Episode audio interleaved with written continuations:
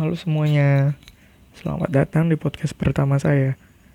Sebelumnya kenalin, nama saya Sada Muhammad Farel, biasa dipanggil Farel, mahasiswa baru Institut Teknologi Sumatera, program studi Teknik Geofisika. Di kesempatan kali ini, saya ingin menjelaskan rencana jangka pendek, rencana jangka menengah, maupun rencana jangka panjang saya guna menyelesaikan tugas yang diberikan. Nah, langsung aja nih ke rencana jangka pendek. Sebagai mahasiswa baru, saya berencana untuk aktif dalam kegiatan kampus, baik itu dalam kegiatan pembelajaran maupun dalam ke keorganisasian. Nah, pastinya saya mempunyai target untuk mendapatkan IPK di atas 3,5 di awal tahun saya belajar.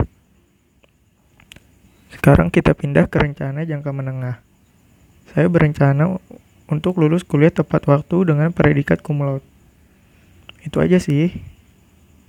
Nah, sebelum lanjut ke rencana jangka panjang, saya mau cerita dikit nih. Saya anak kedua dari tiga bersaudara, dan saya itu anak laki-laki satu-satunya. Dari saya lulus SMA, segala kebutuhan saya diberikan oleh kakak saya. Sampai biaya kuliah pun kakak saya yang membiayai, bukan orang tua saya lagi.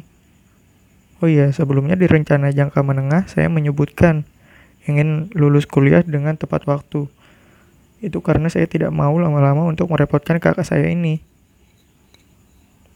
Oke, sekarang balik ke rencana jangka panjang.